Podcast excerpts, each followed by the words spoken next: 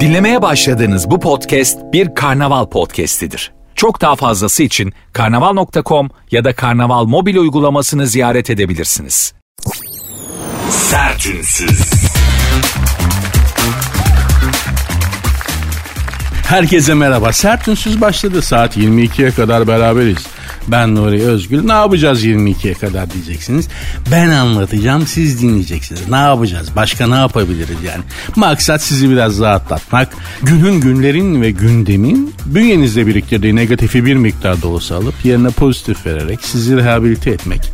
Kendi gerçekliğinizden kopartarak başka şeyler düşündürtmek falan. Yapacağım şey budur. Daha ne yapabiliriz ki yani zaten. Ben buradayım siz oradasınız. Ha diyeceksiniz ki yaptığın işin bir kıymeti var mı? Eskiden vardı şimdi yani eskiden bir mikrofonun başına oturabilmek meseleydi. Ben eski yoldan geçtim. Şimdi herkesin bir mikrofonu, herkesin bir ekranı var. Şimdi herkes radyocu, herkes şovmen. Hiç kimse izleyici olmak istemiyor. Herkes bir şov peşinde, herkes bir e, şey hmm, bir söz, bir cümle. Herkesin dünyaya söyleyecek bir cümlesi var ve o cümlenin çok önemli olduğuna inanıyor. Herkes kendini daha çok insana ulaştırmaya çalışıyor. Herkes kendinin kendi düşüncesinin, kendi şovunun çok güzel ve çok önemli olduğunu düşünüyor. Belki öyledir de gerçekten ama benim zamanımda diyeyim ya benim bu mikrofonun başına gelebilmem 20 sene sürdü düşünün. Eskiden pek çok filtreden geçip bir mikrofonun başına oturup geniş kitlelere bir şey söyleyebiliyordunuz. O filtrelerden birine bile takılsanız bu mikrofon hayaldi. Şimdi öyle bir şey yok. Şimdi adam evde oturduğu yerden mutfaktaki plastik masanın üstüne bir tane ekran koyup kamera koyup yan taraftaki yoldan halk otobüsü geçerken Rusya'nın Ukrayna'ya saldırması hakkındaki e, gizli sebepleri falan anlatıyor. Beylikdüzü'nden bütün dünyaya ilan ediyor. YouTube'da. Biz de dinliyoruz. Vallahi bilmem kaç bin dinlenme, izlenme almış yani düşünün. Bu artık böyle bir dünya oldu. Dolayısıyla da bizim işimizin kıymeti çok fazla kalmadı. İnşallah sizin işleriniz değişen dünya ile beraber anlamını çok fazla yitirmemiştir. Bizim işler yavaş yavaş patatese bağlıyor gördüğünüz gibi. İşte direnmeye çalışıyoruz. Ne yapalım? Ekmek parası. Başka bildiğimiz iş yok. Herkes bildiği işi yapsın diyorlar. Bizim işimizde zaman içerisinde işte teknolojiye, zamana yeniler, yenilenlerden biri olmak yolunda galiba. Çünkü artık dediğim gibi herkes şovmen, herkes radyocu, herkes televizyoncu. Böyle bir şey kalmadı. Her telefon artık radyo, her telefon artık televizyon, herkes şovmen. Bizim bundan sonra ihtiyacımız olan şey, bütün dünyanın ihtiyacı olan şey izleyici. Herkes şovunu yapmak, herkes sözünü söylemek peşinde olduğu için izleyecek ve dinleyecek insan bulmakta zorlanıyoruz. Kısaca hanımlar beyler, ben size iki saatlik bir yaşam gailesi molası vaat ediyorum. Bir iki saat bir kenara çekilin ya da çekilmeyin ne yapıyorsanız yapmaya devam edin ama kulağınız bende olsun. Ben anlatacağım siz dinleyeceksiniz. Kendinizi fazla kasmayın bana bırakın. Saat 22 olduğunda program bittiğinde söz veriyorum şu anda hissettiğinizden daha iyi, daha rahatlamış hissedeceksiniz kendinizi. Sözümüz söz. Sözümüzün arkasındayız. Programa katılımcı da olabilirsiniz. Programın Instagram ve Twitter adresleri var onları vereyim. Sert unsuz yazıp sonuna iki alt tere koyuyorsunuz. Programın adı Sert Unsuz. Sert Unsuz yazıp sonuna iki alt tere koyuyorsunuz. Benim Instagram adresim de var. Kurumsal kimlikle ulaşamam. Ben şahısla muhatap olmak isterim kardeşim diyenler için. Nuri Ozgul 2021. Hadi başladık bakalım. Sertünsüz.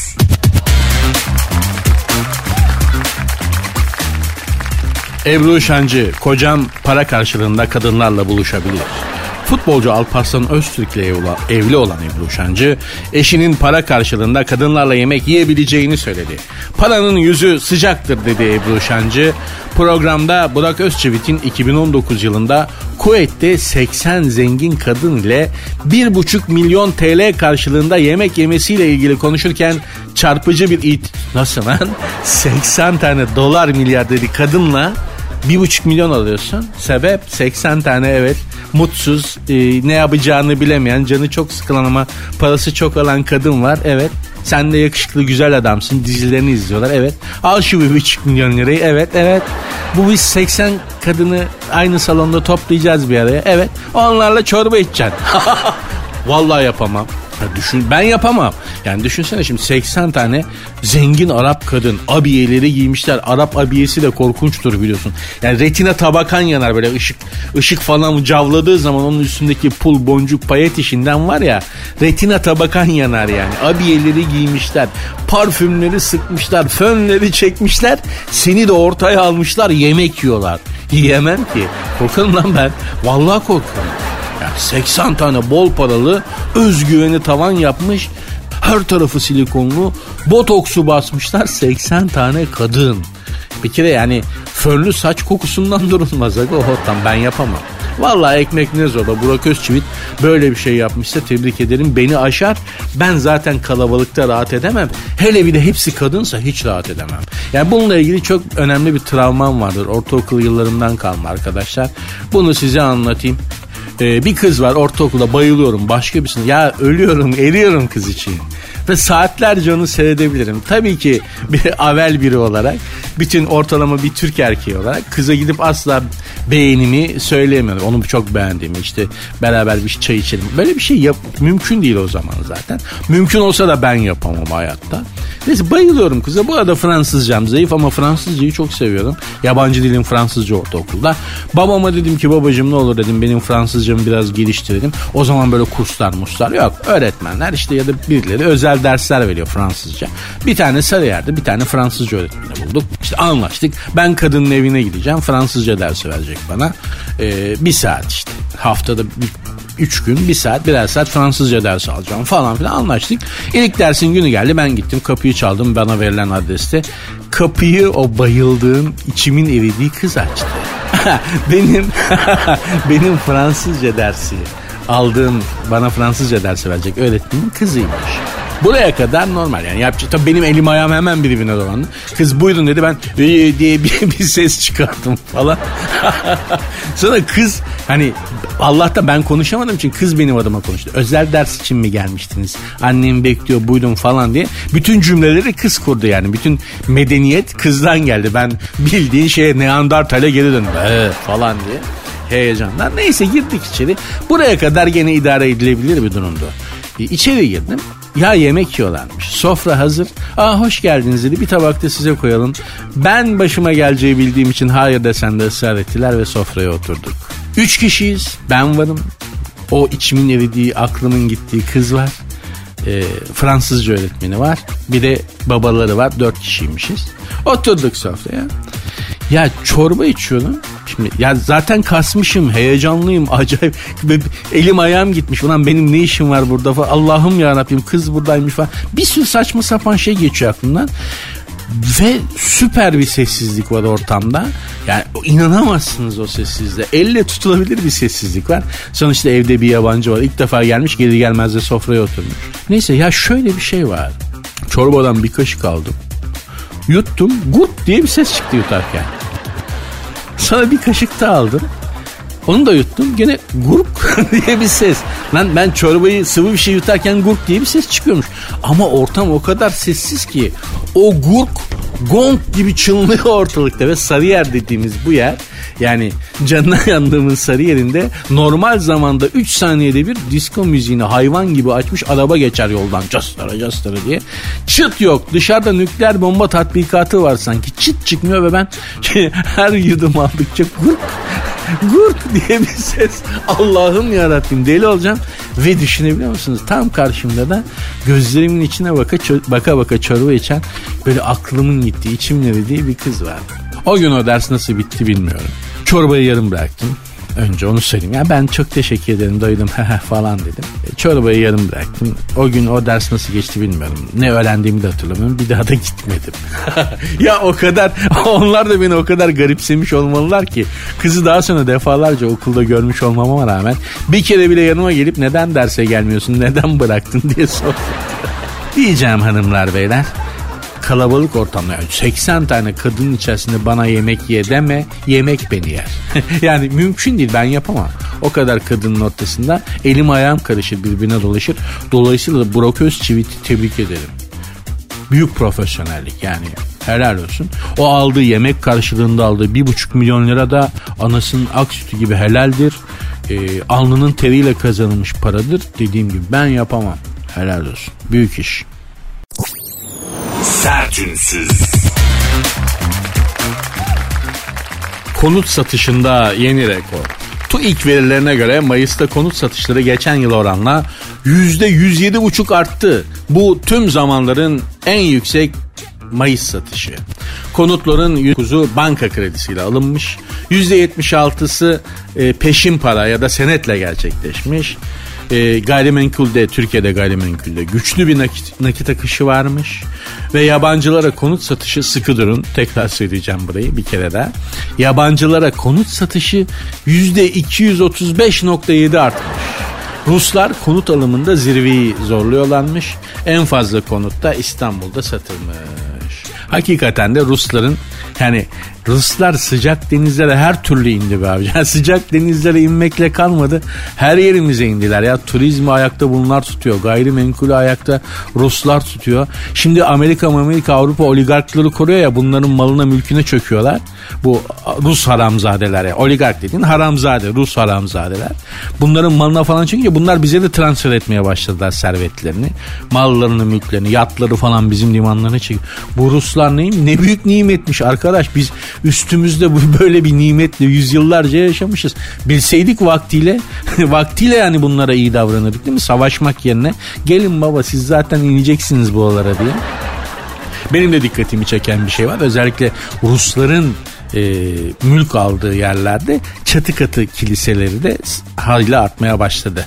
E, çünkü bu adamlara kilise de lazım. Ortodoks ya bunlar. Bol miktarda Ortodoks kilisesi var zaten İstanbul'da ama bu çatı katı kiliselerinin sayısında da önemli bir artış var. Özellikle Karaköy civarında. Evet ve her neredeyse her çatıda bir haç falan görünmeye başladı. Çatı katlarını böyle özel kilise falan yapıyorlar. Değişik bir e, bakış açısı var. Ruslarla beraber her şeyimiz değişmeye başladı. Ne güzel ne güzel. Biz mi Ruslaşıyoruz onlar mı Türkleşiyor yoksa herkes kendi kültürünü muhafaza edebiliyor mu bilmiyorum. Ama sonuçta zenginlik çeşitlilik iyi bir şeydir. Bu ev merakı bize nereden geldi bu gayrimenkul? Bakın her şey var dünyada kriz var her şey acayip bir şekilde geriye giderken bir türlü gayrimenkul satışlarında özellikle ev satışlarında gerileme olmuyor. Tam tersi coştukça coşuyor. Ben merak ettim araştırdım tarihte bu ilk ev nerede yapılmış diye. Ee, tarihte ilk evin yapıldığı yeri görmek için gidebileceğiniz yer e, Aşıklı diye bir yer arkadaşlar. Aksaray'da. Aşıklı bu Kapadokya civarında Aşıklı höyüğü var. Adamlar bildiğiniz bundan 9000 sene önce salon salomancı ev yapmışlar ya. Ondan sonra da Çatal höyüktür. O da Konya'da. Memleket tarihi açısından cennet ya. Vallahi bak bizden hariç bizden başka İsrail'de Jericho diye bir yer var. İlk evler bir de orada görülmüş ama ikisi de bizde aslında yani Aşıklı, Aksaray Aşıklı ve Konya Çatalhöyük. Yani bizim bu eve gayrimenkul olan merakımız 12 bin yıl önceden geliyor bu topraklarda. Dolayısıyla şimdi şaşırmamak lazım. Niye bir türlü gayrimenkul aşkımız hep? 12 bin yıl be kardeşim. 12 bin yıl. Mamutlar yaşıyordu lan mamutlar yaşıyordu 12 bin yıl önce dünyada. Biz yine ev yapıyorduk. Hem de rahat evler ha gerçekten güzel evler yani. Çatalhöyük'ü de gezmiştim ben. Vallahi yaşanır şimdi Çatalhöyük gibi yerlerde. Serin çok bir de yerin altında. Yani e, e, ilk evler böyle bizimkisi gibi duvar duvar üstüne koyup yukarı çıkmıyor. Tam tersi yerin altına iniyor. Merdivenle eve iniyorsun. Çok serin ve çok enteresandır daire şeklinde şimdiki gibi dikdörtgen değil. Onun da evrimi şöyle e, yerleşik düzen arttıkça evlere geçildikçe yiyecek stoklamak ihtiyacı hissedilmiş. Yiyecek stoklamak için de e, evde ayrı bir bölüm gerekiyor. Evin bölünmesi gerekiyor. Bir daireyi daire yuvarlak şeklindeki bir evi ergonomik olarak bölmek mümkün olmadığı için kare şekline dönülmüş evlerde doğada bütün yuva yapan varlıklar yuvalarını yuvarlak şekilde daire şeklinde yaparlar. İnsanlar da öyle yapmışlar ilk. Fakat zaman içerisinde ihtiyaç hasıl olduğu için stok hasıl olduğu için odanın o evlerin bölünmesi gerektiği odalara bölünmesi gerektiği için daire şek e, dikdörtgen şekline dönülmüş. Yoksa hanımlar beyler doğada bütün varlıklar, bütün yuva yapan bütün canlılar yuvalarını daire şeklinde, yuvarlak şekilde yaparlar. Bunlar hep bilgidir. Yani bir gün bir yarışmaya katılırsınız tık diye karşınıza çıkar hayat kurtarır aklınızda olsun. Biz Türklerde de ilk yerleşik düzene geçen Uygurlar. Yani ilk yerleşen, ilk oturan, ev yapan Türkler Uygurlar. Uygarlık da oradan gelir. Arapça medeniyetin karşıdır. Hani uygarlık lafı da Uygurlardan türetilmiştir. İlk medeni şeye geçen, ilk böyle modern yaşama geçen Türk boyu Uygurlardır. Bunlar hep bilgidir. Sosyal bilgidir. Bak AYT, MAYT çocukların hepsi döküldü gene. Neden? Genel kültür zayıf. Söylüyoruz. Bir kenarınızda dursun hanımlar beyler. Yalnız yabancılara konut satışının %235 artması da işgal la bu. Az daha sıksalar işgal yani. Maşallah maşallah. Maşallah. Allah eksikliklerini göstermesin. Para verin de kardeşim bize. bize para verin de. Aman ya gerisi çok önemli değil. Al baba. Al baba götür baba. Fark etmez ama yeter ki bize doları göster abi. Biz doları görelim. Parayı göreyim orada öleyim. Bizdeki kafa bu. Ver abi ver ver. Ne istiyorsun al. Ama doları göz. Benjamin'i göreyim. Abraham Lincoln'un o nursuz yüzünü bana uzat kağıdın üstünde. Gerisi önemli değil hanımlar beyler. Programın ben daha fazla konuşmayayım. Programın Instagram ve Twitter adreslerini vereyim. Sert unsuz yazıp sonuna iki alt tire koyuyorsunuz. Benim Instagram adresim de var. Nuri Ozgul 2021. Sert unsuz. Sivas pastırmanın tescilini almış. Pastırma konusunda devam eden tartışmalar yeniden alevlenecek diyor haberde. Biliyorsunuz Kayseri ile Kastamonu çekişmesi sürüyor. Pastırma sizindi bizimdi derken aradan Sivas'ta sıyrılmış. Pastırmanın tescilini almış. Sivas pastırması ikisinde tokatlar diyor Sivaslılar. Sivaslılar diyorlarsa bir bildiği vardır. İstanbul'da yaşayan biri olarak Sivaslılara asla itiraz edemem. Çünkü İstanbul'da yaşayan en kalabalık ahali Sivaslılar. Sivas'ta o kadar Sivaslı yok. Gerçi tamam mesela hani Yozgat'ta da İstanbul'da kadar Yozgat yok. Yani gerçekten bak. Yani ben orduluyum. Eminim orduda İstanbul'daki kadar ordulu yoktur. İstanbul öyle garip bir yer. Sivaslılar e, coğrafi işaret tescil belgesini almışlar. E, Sivas Ticaret Borsası Başkanı Abdülkadir Hastoğlu alınan tescil belgesiyle Sivas pastırmasının resmi anlamda markalaştığını belirtmiş. Hayatımda yemedim. Sivas'a dair bildiğim şey madımak. Bir onu biliyordum yani. Madımak diye bir şey var değil mi? Onun dışında Sivas mutfağına hakim değilim. Sivaslı arkadaşım da olmadı. Eşim, dostum, ahbabım da olmadı nedense. Bir kere Sivas'a gitmiştim. O kadar. Başka Sivas'la ilgili bir bilgim yok ama gitmeme de gerek yok. Dediğim gibi İstanbul'da Sivas'tan çok Sivaslı var zaten. Ama şu pastırma işinde taraflara seslenmek istiyorum yani. Kastamonu'ya, Kayseri'ye ve Sivas'a ya bir durun bir durun arkadaşlar ortalık zaten karışık. Bir de pastırma için mi tartışacağız? Bir de pastırma kimin diye mi münakaşa edeceğiz? Ama bence dünyaya tanıtmamız gereken mutfak. Hani pastırmayı da tanıtalım dünyaya. Her şeyi tanıtmaya çalışıyoruz ya. Mutfağımızı bir türlü anlatamıyoruz falan diyoruz. Mutfak bahsinde dünyaya tanıtmamız gereken şey bu pastırma, mastırma, yöresel şeyler değil arkadaşlar. Büfe. Büfe kültürümüz. Dünyaya biz kendi mutfağımız yerine büfe kültürümüzü satabiliriz.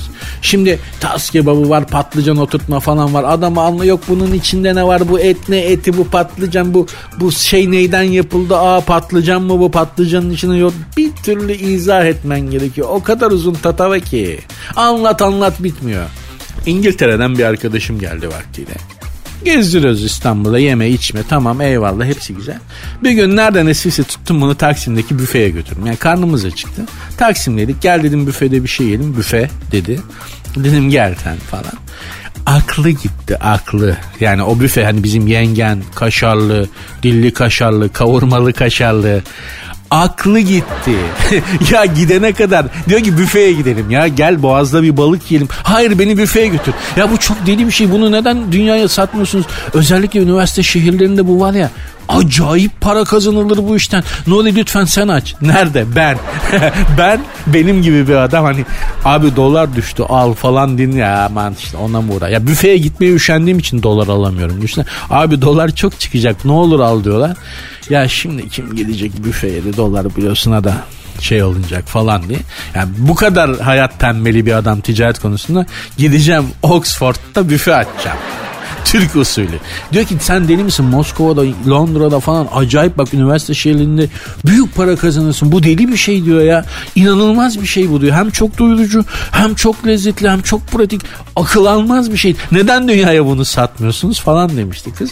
İşte ben de buradan yatırımcılara söylüyorum. Abicim bu tas kebabını, patlıcan oturtmayı, işte pastırmayı, mas bunları anlatamıyoruz biz belli ki. Anlatsak da bunların kafa basmıyor. Tamam mı? Çok zengin bir mutfak olduğu için bizde adamlar biraz idrak etmekte zorlanıyorlar yani. Nasıl ya? Tas kebabını anlamıyor herif yani kolay. İdrak edin. Patlıcanı yoğurt koydun önce öyle yaptın da sonra eti falan. Adam bağlantıyı kuramıyor. Büfeyi satmamız lazım bunlar arkadaşlar. Çok büyük para kazanınız. Yurt dışında yatırım düşünen arkadaşlara da aklınızın bir kenarında olsun. Bakın bir İngiliz arkadaşım bana defalarca söyledi. Bu inanılmaz bir şey dedi yani. Özellikle üniversitelerin yanında, yurt dışında üniversitelerin yanında çok büyük paralar kazanabilirsiniz falan demişti. Ben de buradan aktarayım benim yapacağım iş değil.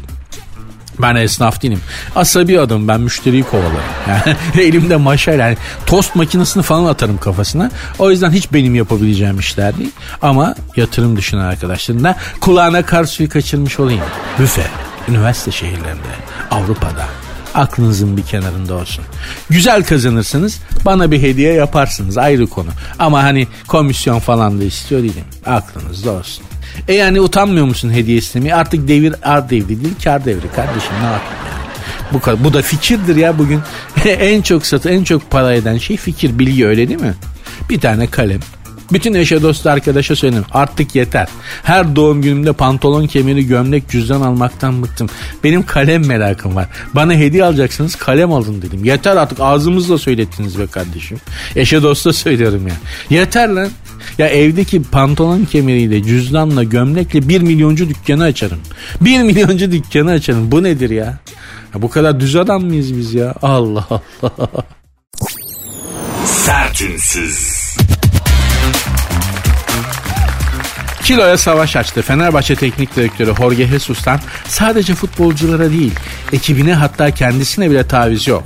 Çalıştığı tüm kulüplerde uyguladığı sistemi Fenerbahçe'ye de getiren Portekizli hoca her fazla kiloya 100 euro ceza kesecek.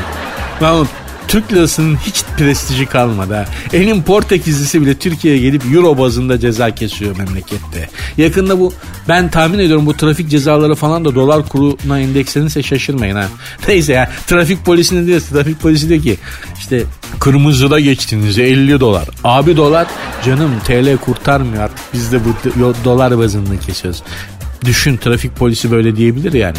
Baba TL olunca kurtarmıyor sürekli kurdan zarar ediyoruz falan. Öyle bir şaya hep söylenir değil mi? Yani belli dönemlerde trafik ekipleri ceza kesmek için adeta birbirleriyle yarışırlar. Çünkü böyle bir kara bir dedikodu var. Emniyetin paraya ihtiyacı varmış abi. Olur mu böyle bir şey? Bir vatandaş kendi canının koruyan kurumdan böylesine şüphelenebilir mi?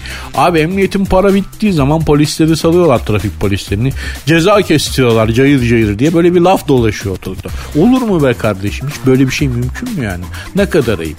Emniyet kurumunun bunun üzerine gitmesi lazım. Biraz imaj konusunda biraz gerçekten çalışmalar lazım. Ha bütün dünyada emniyet sevimsizdir. Açık söyleyelim yani. Hani Amerika'da da sevilmez, Avrupa'da da. Dünyanın hiçbir yerinde polis, emniyet teşkilatı sevimsiz bulunur. Bu Böyledir yani. Eşyanın tabiatı böyledir ama hani hiç böyle bir şey de duymadım. Abi emniyette para lazım olduğu zaman trafik polislerini salıyorlar. Cayır cayır ceza kesiyorlar. Arabanın içinde aynada işte boncuk sallanıyor diye ceza kesiyor abi. abi. Emniyette para lazım abi falan diye. Böyle dedikodular yayıyorlar. Ne kadar ayıp. Kara dedikodu. Neyse. Jorge Jesus'tan da emniyetin bana ne emniyetin problemi ayrıca. Onlar düşünsün. Onların imajı. Allah'ım yarabbim. Jorge Jesus'tan nereye geldik? Neyse Neyse. Demek Jorge Jesus her fazla kilosu olan çalışana ceza kesecekmiş. Yiyorsa Ali Başkanı da kessene fazla kilodan ceza. Patron bu göbek ne ya çok yemişsin ya. 200 euro rica edeyim diyorsun. Ali Koç'a diyorsun. Ayık, ayık kafayla diyorsun hem de. Ben bir keresinde merhaba demeye kalktım Ali Koç'a onu bile diyemedim. Mer dedim haba diyemeden adam geçti yanımdan tren gibi. Acaba bu zenginlerde amele radarı gibi bir şey mi var ya? Özel bir organ mı var yani? Yani paran olup çok zenginleştikçe içinde bir yerde böyle bir organ mı gelişiyor radar görevi yapan? Ameleyi fakiri boş beleş adamı uzaktan hissedip içeriden alarm veriyor. Bu gelen fakir bu gelen amele gereksiz muhabbet açacak transit geç falan gibi bir alarm mı veriyor yani? Ha bu tabi Ali Koç için geçerli değil. Rambo Okan'la bile muhatap olan adam benle mi olmayacak o kadar değil. Dalgındır yoğundur fark etmemiştir falan.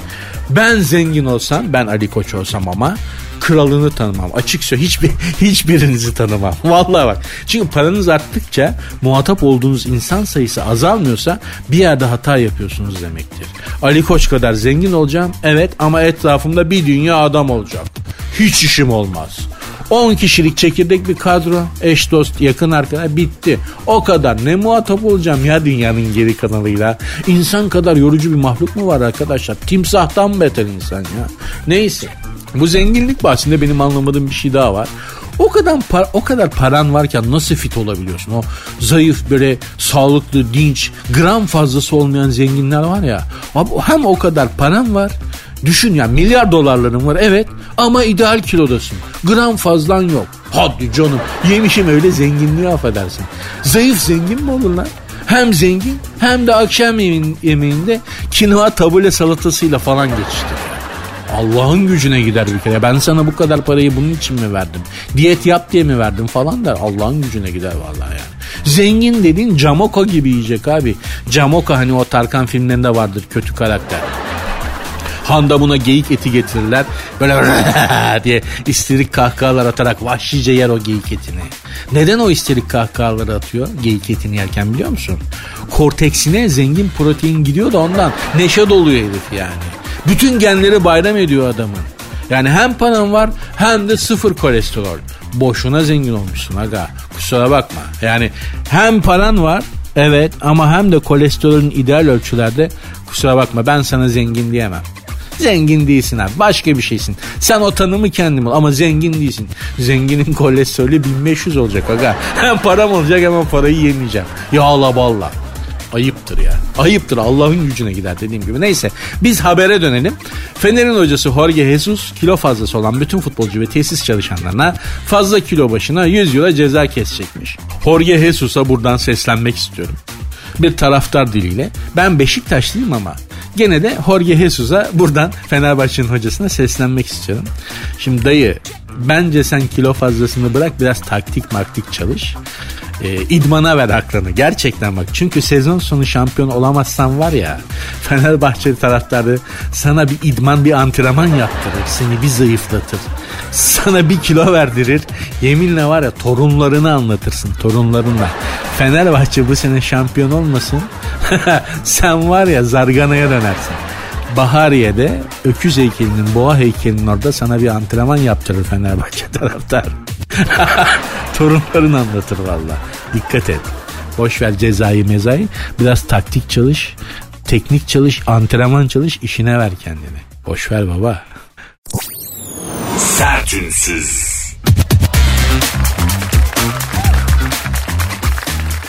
Çocuklarımızı çiftçi olmaya özendirmeliymişiz. Bunu kim diyor? Bunu son dönemde yerli ayçiçek tohumu çalışmalarıyla öne çıkan Trakya Tohumcular Derneği'nin başkanı İbrahim Toruk söylüyor. Çocuklarımız kolay yoldan zengin olmaya özendiriliyor. Onlara köyde tarımla uğraşacak imkanları sağlamalıyız demiş. İyi de hangi toprakla? Yani İstanbul'da en son ne zaman toprak gördüm ben hatırlamıyorum bile. Ya hadi toprağı buldun.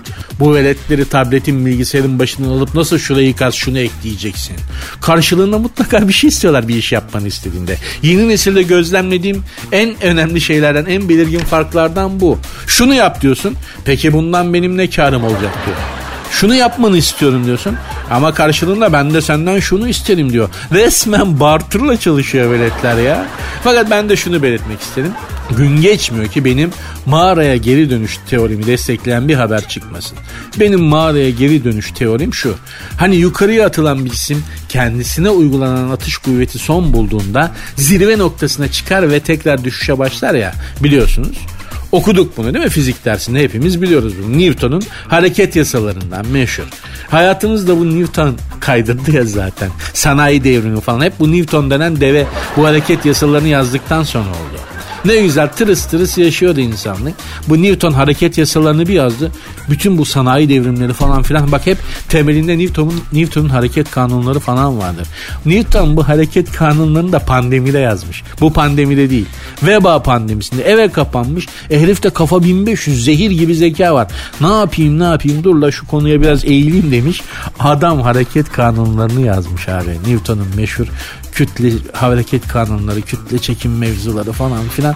Bütün hayatımızda orada. Hay ne o veba çıkaydı ne sen oturup bu hareket kanunlarına çalın. Ne Newton'muşsun abicim. Neyse. Benim teorim de şu.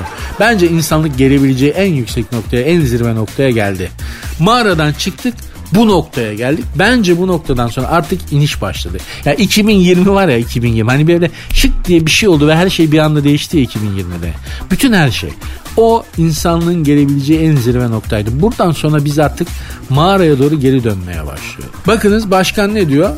Çocuklar çiftçi çocuklara diyor çiftçilik öğretin diyor. E iş 19. yüzyılda bittiydi hani. Hani köyden çarıyla şehre gelip okumak vardı, doktor olmak vardı. Değil mi? Şimdi sana diyor ki köye geliden. Lan eskiden böyle değildi ki. Eskiden tam tersi böyle köyden çalıyla gelip değil mi? Şehirde adam olanların efsaneleri anlatılırdı. Neşet Ertaş'ın türküsü bile var. Doktor Mehmet Ali Aydın türkünün adı. Var inanmıyorsan aç YouTube'a bak. Türkünün sözleri ya. Sözlerini bile biliyorum bak. Çarığınan köyden gelen, tıp okuyup doktor olan, hastanın halinden bilen Doktor Mehmet Ali Aydın diye bir türkü. Gerçi bunu bir düğünde çalıp söyleyip göbek atarken vatandaş Kırşehir'de bir düğünde bunu çalıp söylüyorlar göbek atıyor. Doktor Mehmet Ali Aydın diye oynuyorlardı ne güzel. Neyse yani. Ama şimdi bakın ne diyorlar? Köyden gelip şehirde açtığı ama bak şimdi her şey tersine döndü. Köyden gelip şehirde çalığı çıkarıp adam olma devri bitti. Şimdi ayağımızdaki iskarpinleri çıkartıp mokasenleri spor ayakkabıları çıkartıp köye geri döneceğiz ve ayağımıza tekrar çarık giyeceğiz. Orçunların, Mervelerin, Tanzerlerin dönemi bitti. Fadimelerin, Kezbanların, Hüsmenlerin dönemi tekrar başlıyor. Ona göre kendinizi ayar çekin. Benden söylemez. Sertünsüz.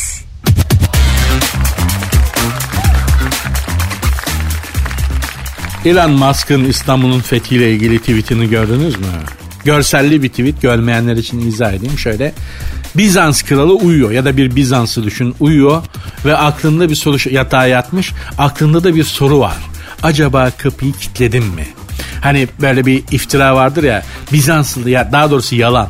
Bizanslıların İstanbul'un fethini basitleştirmek için uydurdukları bir yalandır. Göya bir kapıyı Bizans surlarında bir kapıyı açık unutmuşlar da biz Türkler o kapıdan girmişiz. O kapı açık unutulmasaymış biz İstanbul'u alamazmışız. Bir kişi de demiyor ki lan bu Bizans tavuk kümesi mi? Hangi kapıdan nereye gidiyorsun? Bizans'ı kuşatan ordu, Türk ordusu 100 bin küsür kişi. O nasıl bir kapıymış ki 100 bin kişi çıt çıkarmadan içeri giriyor. Bunu da yazan aslında yani bu bir kapı açık unutuldu. O yüzden Türkler oradan gelerek fethettiler. Bunu yazan bir kişi var. O da Bizanslı tarihçi Dukas diye bir adam.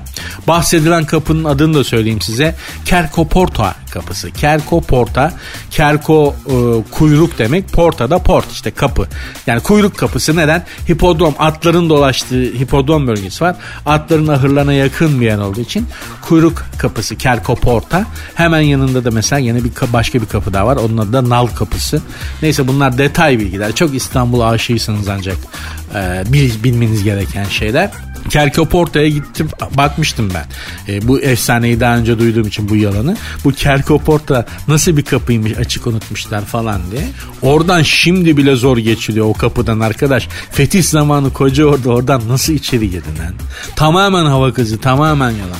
Tabi Elon Musk Yunanlılara makara yapıyor. Aslında bizimle değil Yunanlılarla dalga geçiyor. Yani diyor ki bak kaşınıyorsunuz Türklerle yetişmeye başladınız. Kapıları iyi kilitleyin. Bu Türkler bir gece ansızın geliverirler diyor. Tıpkı kafası çalışan az sayıdaki Yunan generallerinden Meteksas'ın Yunanistan, Yunanlılar Anadolu'yu işgal etmek istediğinde Yunanlı gazetecilere ve generallere söylediği gibi. Yani bunlar biz Anadolu'yu işgal edeceğiz. İngilizlerin kucağına oturduk. İngilizler bize desteği veriyor abi. Anadolu'ya çıkıyoruz. İşte eski topraklarımızı geri alacağız falan diyorlar. Bu Meteksas denen Yunan generali dediğim gibi az sayıda kafası çalışan Yunan generallerinden biri diyor ki saçmalamayın. Sakın yapmayın. Bak bu Türkleri bitti zannediyorsunuz ama bir sabah karşınıza koca bir orduyla çıkıverirler. Ne yapacağınızı şaşırırsınız. Boş verin diyor. Dinlemiyorlar. Adamın dediği çıkıyor. Ayrıca şunu da belirtelim. Ben ve bu tehlikeli bir söz ama söyleyeceğim. Bizans'ın mirasçısı Yunanistan değil biziz. Yani hani Yunanlılar Bizans asıl Bizans'a sahip çıkması gereken biziz. Çünkü Bizans'ı biz aldık. Bizim oldu ve bizim içimizde eridi ve bizim genlerimize karıştı. Her şeyiyle Bizans ve Bizanslılık. Dolayısıyla da bence mutlaka bir Bizans fakültesi açılmalı. Sadece Bizans dersleri veren. Bizans'ı anlatan. Bugün açıkçası çektiğimiz pek çok sıkıntıyı da ta Bizans'tan devraldığımızı da söyleyip e, vakvakları da fazla ürkütmeden mevzuyu bağlamak isterim. Elon Musk'un mesajına kızanlar olmuş bu falan. Bence tam tersi yani Türklerle değil baba Yunanlarla makara yapıyor. Yani çok gene başladınız saçmalamaya. Dikkat edin yapmayın. Bak gene bir kapı açık unutursunuz. bu sefer kötü olur diyor Elon Musk. Yani Elon Musk'ın üstünü çizmiştim ama yani olabilir. Tamam güzel. Yani du- durmuş bozuk bir saat bile günde iki, iki kere doğruyu gösterir derler. Bu Elon Musk'a bir sempati duymam için bir sebep değil yani. Sevmiyorum. Sevimsizsin. Sevmiyorum seni Elon.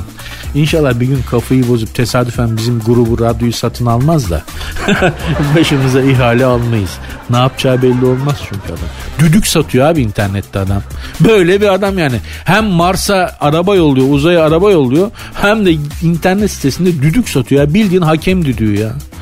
Böyle bir adam abicim. Anlayamadım gitti adamı ya. Sertünsüz. Milli takım oyuncuları Hakan Çalhanoğlu, Uğurcan Çakır, Cengiz Ünder ve Dorukhan Toköz önceki gün Çeşme'de bir beach'te görüntülendi. Deniz kenarında oturarak sohbet eden 4 milli oyuncu bol bol güneşlendi.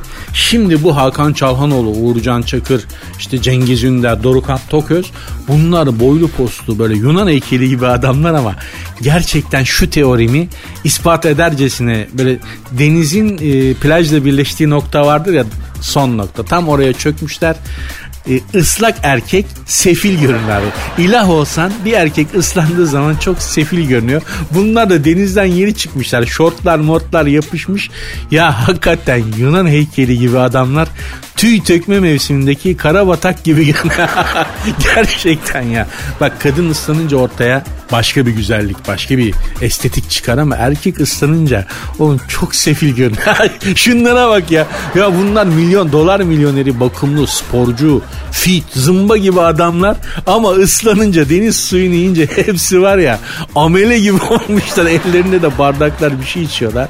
Ah be garip ya erkek olmak da zor be. Gerçekten erkek olmak da zor. Ya diyorum ya bak fotoğrafı görseniz ağlarsınız hallerine. Allah'ım ya erkek ıslanınca çok sefil oluyor. Benim bir çok janti bir Fransız e, dostum vardı. Çok jantiydi ama hani Paris çapkınlarından meşhur Paris'te nam yapmış. Baba ıslanmaktan yağmurdan çok korkardı. Şemsiye de taşımazdı. Hayır derdi şemsiye taşımak e, şey e, fakirlik alametidir derdi. Böyle bir tavır var. Elinde şemsiye varsa fakirsin demektir o derdi. Şemsiye de taşımazdı ve ıslanmaktan yağmurda ıslanmaktan çok korkardı.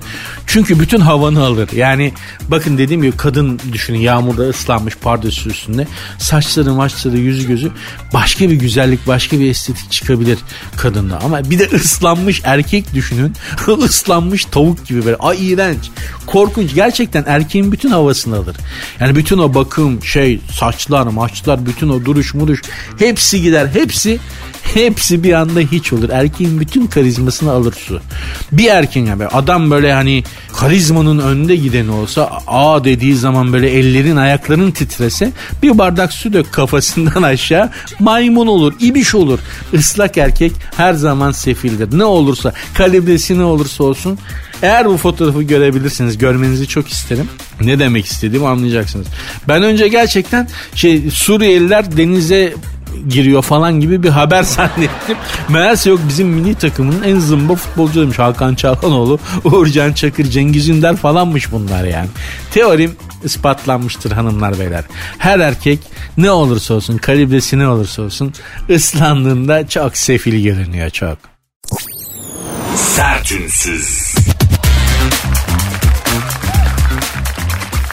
Türkiye'nin %87'si tipinden memnunmuş. Allah Allah. Türk Plastik Rekonstrüktif ve Estetik Cerrahi Derneği'nin 6 ilde 610 gönüllüyle yüz yüze gerçekleştirdiği araştırmanın sonucuna göre Türkiye'de dış görünüşünden memnun olanların sayısı oranı %88.7. Peki tipinden en memnun olan şehir hangisi sizce? Bak kısa bir espriyorum. Sence sizce Türkiye'de tipinden en çok memnun olan insanların yaşadığı şehir hangisi? Söylüyorum. Trabzon. Şaşırdın mı? Hayır. Hayır. Çünkü gerçekten tanıdığım özgüveni zirve yapmış insanların hemen hemen hepsi Trabzonluydu. Yani özgüven zirve ise bir adamda Trabzonlu musunuz diye sorarım ben. Gerçekten öyledir. Ya, ya sadece tip olarak değil. Düşüncesine sahip çıkma anlamında da. Yani bir şey söylüyorsun ona uymuyor değil mi? O zaman sen yanlış biliyorsun. O yanlış yanılmış olabilir mi? Asla. Asla. Bir Trabzonlu'nun yanılıyor olabilmesine imkan, imkan ve ihtimal yok. Sen yanılıyorsun. Sen yan iki kere iki dört. Hayır beş. Abi dört. Beş. Bitti yani bu böyledir. Ama şey fizik olarak da Trabzonlar gerçekten nevi şahsına minhasır özel insanlardır yani ayrı bir tipolojileri vardır. Kendilerine özgü ve estetik bir tipolojidir o. Hani Lazburnu Mazburnu falan diye dalga geçerler. Sende bende olsa gerçekten kötü ama adamlarda güzel duruyor abi. Şimdi ben ne diyeyim yani değil mi? Kanuni Sultan Süleyman'ın burnunu gördün mü? Heh, işte o Lazburnu mesela. Ama babada ne kadar büyük bir karizma. Değil mi? O burun, o kancalı burun babaya kattığı ya abi adam yani dünyaya gelmiş en büyük romantik adamlardan biri Trabzonlu işte. Yani yeryüzünde yaşamış en güçlü adam, en güçlü erkeklerden biri Kanuni Sultan Süleyman. Aşağı yukarı Hint denizinden neredeyse Bering Boğazı'na kadar her yerde sözü geçiyor. Dört kıtada. E, Trabzonlu baba, Trabzon doğumlu. Allah Allah. Yani şimdi Trabzonlara da hak vermek lazım. Var mı içimizde böyle başka adam çıkartabilmiş olan? Yok. Fatih Sultan Mehmet diyebilirler. Manisalılar da itiraz edebilir. Olur. Eyvallah. Ona da itirazımız yok ama hani en baba, en büyük hükümdarlardan biri işte Trabzonlu doğum. Trabzon doğumlu adam. Muhtemelen geliyorum gidiyorum diye konuşuyorduk hani. Hani Kanuni Sultan Süleyman selis bir Türkçeyle konuşmuyor olabilir. Trabzon'da doğmuş büyümüş daha bu adam yani. Muhtemelen gel bakayım buraya. yani Zafer Algöz'ün bir anısı vardı ya. Onu açın YouTube'da dinleyin çok komik. Öyle belki de öyle. Ne değil la bu layoş diye Macar layoş var ya. Geleyim oraya haber yollayın o gaybanasıca. Belki de Kanuni böyle konuşuyordu. Trabzon'da doğmuş büyümüş yetişmiş adam muhtemelen böyle konuşuyor da olabilir yani. Çok güzel olmaz mı ama biz padişahları ya büyük adamların hepsini işte Jules falan düzgün lisanlarla konuştuğunu zannediyoruz. Yani İstanbul Türkçesiyle konuştuklarını zannediyoruz. Belki de öyle değil. Belki de dediğim gibi Kanuni Sultan Süleyman e, Trabzon şivesiyle konuşuyor ya kebakayım buraya diye mesela değil mi? Olabilir yani. Niye olmasın Trabzon'da yaşamış bir insan sonuçta. Trabzonların tipolojilerinden kendilerini fizik olarak en çok beğenen şehir olmasına da şaşırmış değilim. Çünkü Trabzonlar kendilerine dair beğenmedikleri bir şey yoktur. Bir insan Trabzonluysa kendisine ait olan her şeyi çok beğenir ve sever. Bu böyledir yani Trabzon şehrinin bir tek yaşadıkları şehre, yaşadığı şehre bu kadar kötü davranan başka bir e, şey görmedim, şehir görmedim. Yani Trabzon'a gittiğimde oradaki o inşaat çılgınlığı o şey falan Abi siz bu şehri hiç mi sevmiyorsunuz ya? gerçekten bir insan kendi memleketine bunu nasıl yapar sevgili Trabzonlar? Nedir abi o sahil kenarındaki inşaatlar, o Trabzon'un tepesinden böyle bakan o çürük diş gibi binalar falan. Çok güzel bir yermiş vaktiyle belli ki ben geç gittim Trabzon ama o kadar belli ki vaktinde çok güzel oldu. Yazık etmişsiniz yani bu da benim size böyle açık açık aleni bir eleştirimdir yani. Bunu da bir kenarınıza yazın sevgili Trabzonlular. Hanımlar beyler programın Instagram ve Twitter adresini tekrar vereyim de Belki direkt bana bir şeyler söylemek istersiniz. Programın Instagram ve Twitter adresi zaten aynı. Sert unsuz yazıp sonuna iki alt tire koyuyorsunuz. Benim Instagram adresim de Nuri Ozgul 2021. Sertünsüz. Yaşam süresi uzadı, sağlık sorunları arttı. İyi haber şu Türkiye'de ortalama yaşam süresi uzadı. Şu an doğan biri bir bebek 80 yaşına kadar yaşayabiliyormuş. Kötü haber Türkiye'de 58 yaşından itibaren kronik hastalıklar artıyormuş. Çünkü hayatım şekerim bu haberi yazana sesleniyorum. Türkiye'de yaşam süresi uzamış ama kronik hastalıkların erken başlamasının sebebi ülke yıpratıyor bizi.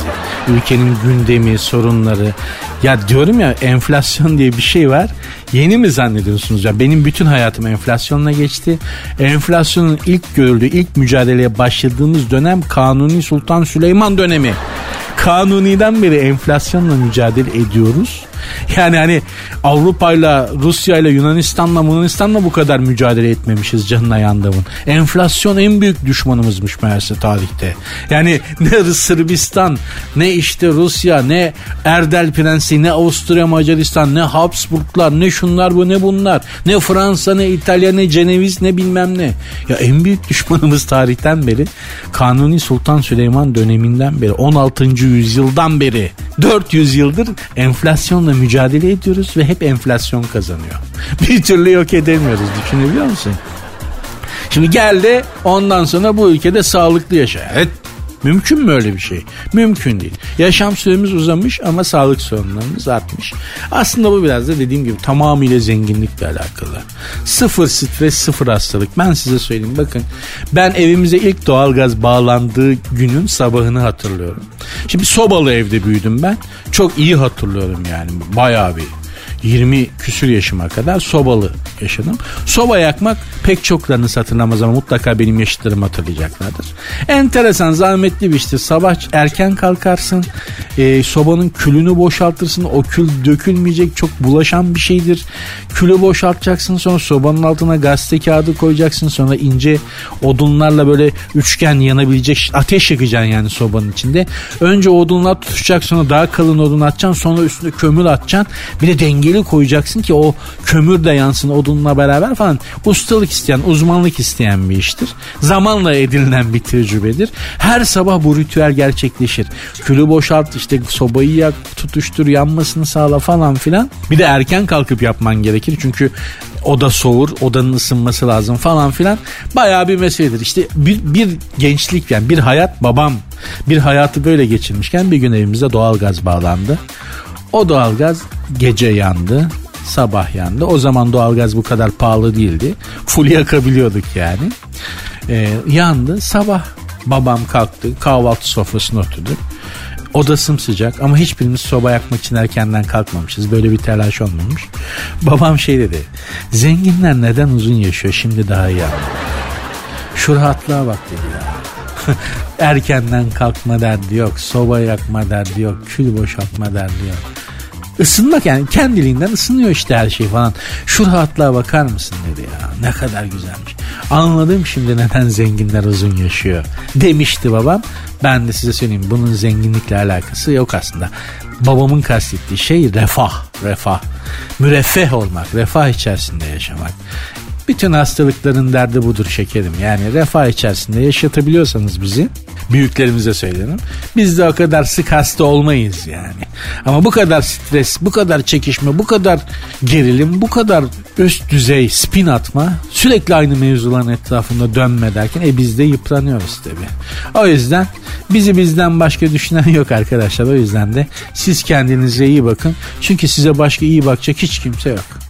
Siz, biz, siz, biz hepimiz birilerinin var olması, birilerinin kurulu düzeninin devam etmesi, birilerinin akan çeşmesinin durmaması için hayatta tutulması gereken varlıklarız. Bu hep böyle oldu yani asırlardır böyle. Şimdi de değişen bir şey yok maalesef.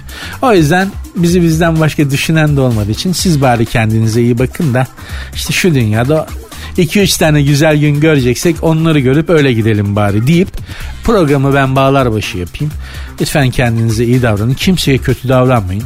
Kimsenin de size kötü davranmasına müsaade etmeyin. Programın Instagram ve Twitter adreslerini de vereyim. Belki söylemek istediğiniz, ulaştırmak istediğiniz şeyler olabilir. Ama Instagram ve Twitter üzerinden bana ulaşabilirsiniz. Programın Instagram ve Twitter adresleri zaten aynı. Sert unsuz yazıp sonuna iki alt koyuyorsunuz. Benim Instagram adresim de Nuri Ozgul 2021. Görüşmek üzere. Dinlemiş olduğunuz bu podcast bir karnaval podcastidir. Çok daha fazlası için karnaval.com ya da karnaval mobil uygulamasını ziyaret edebilirsiniz.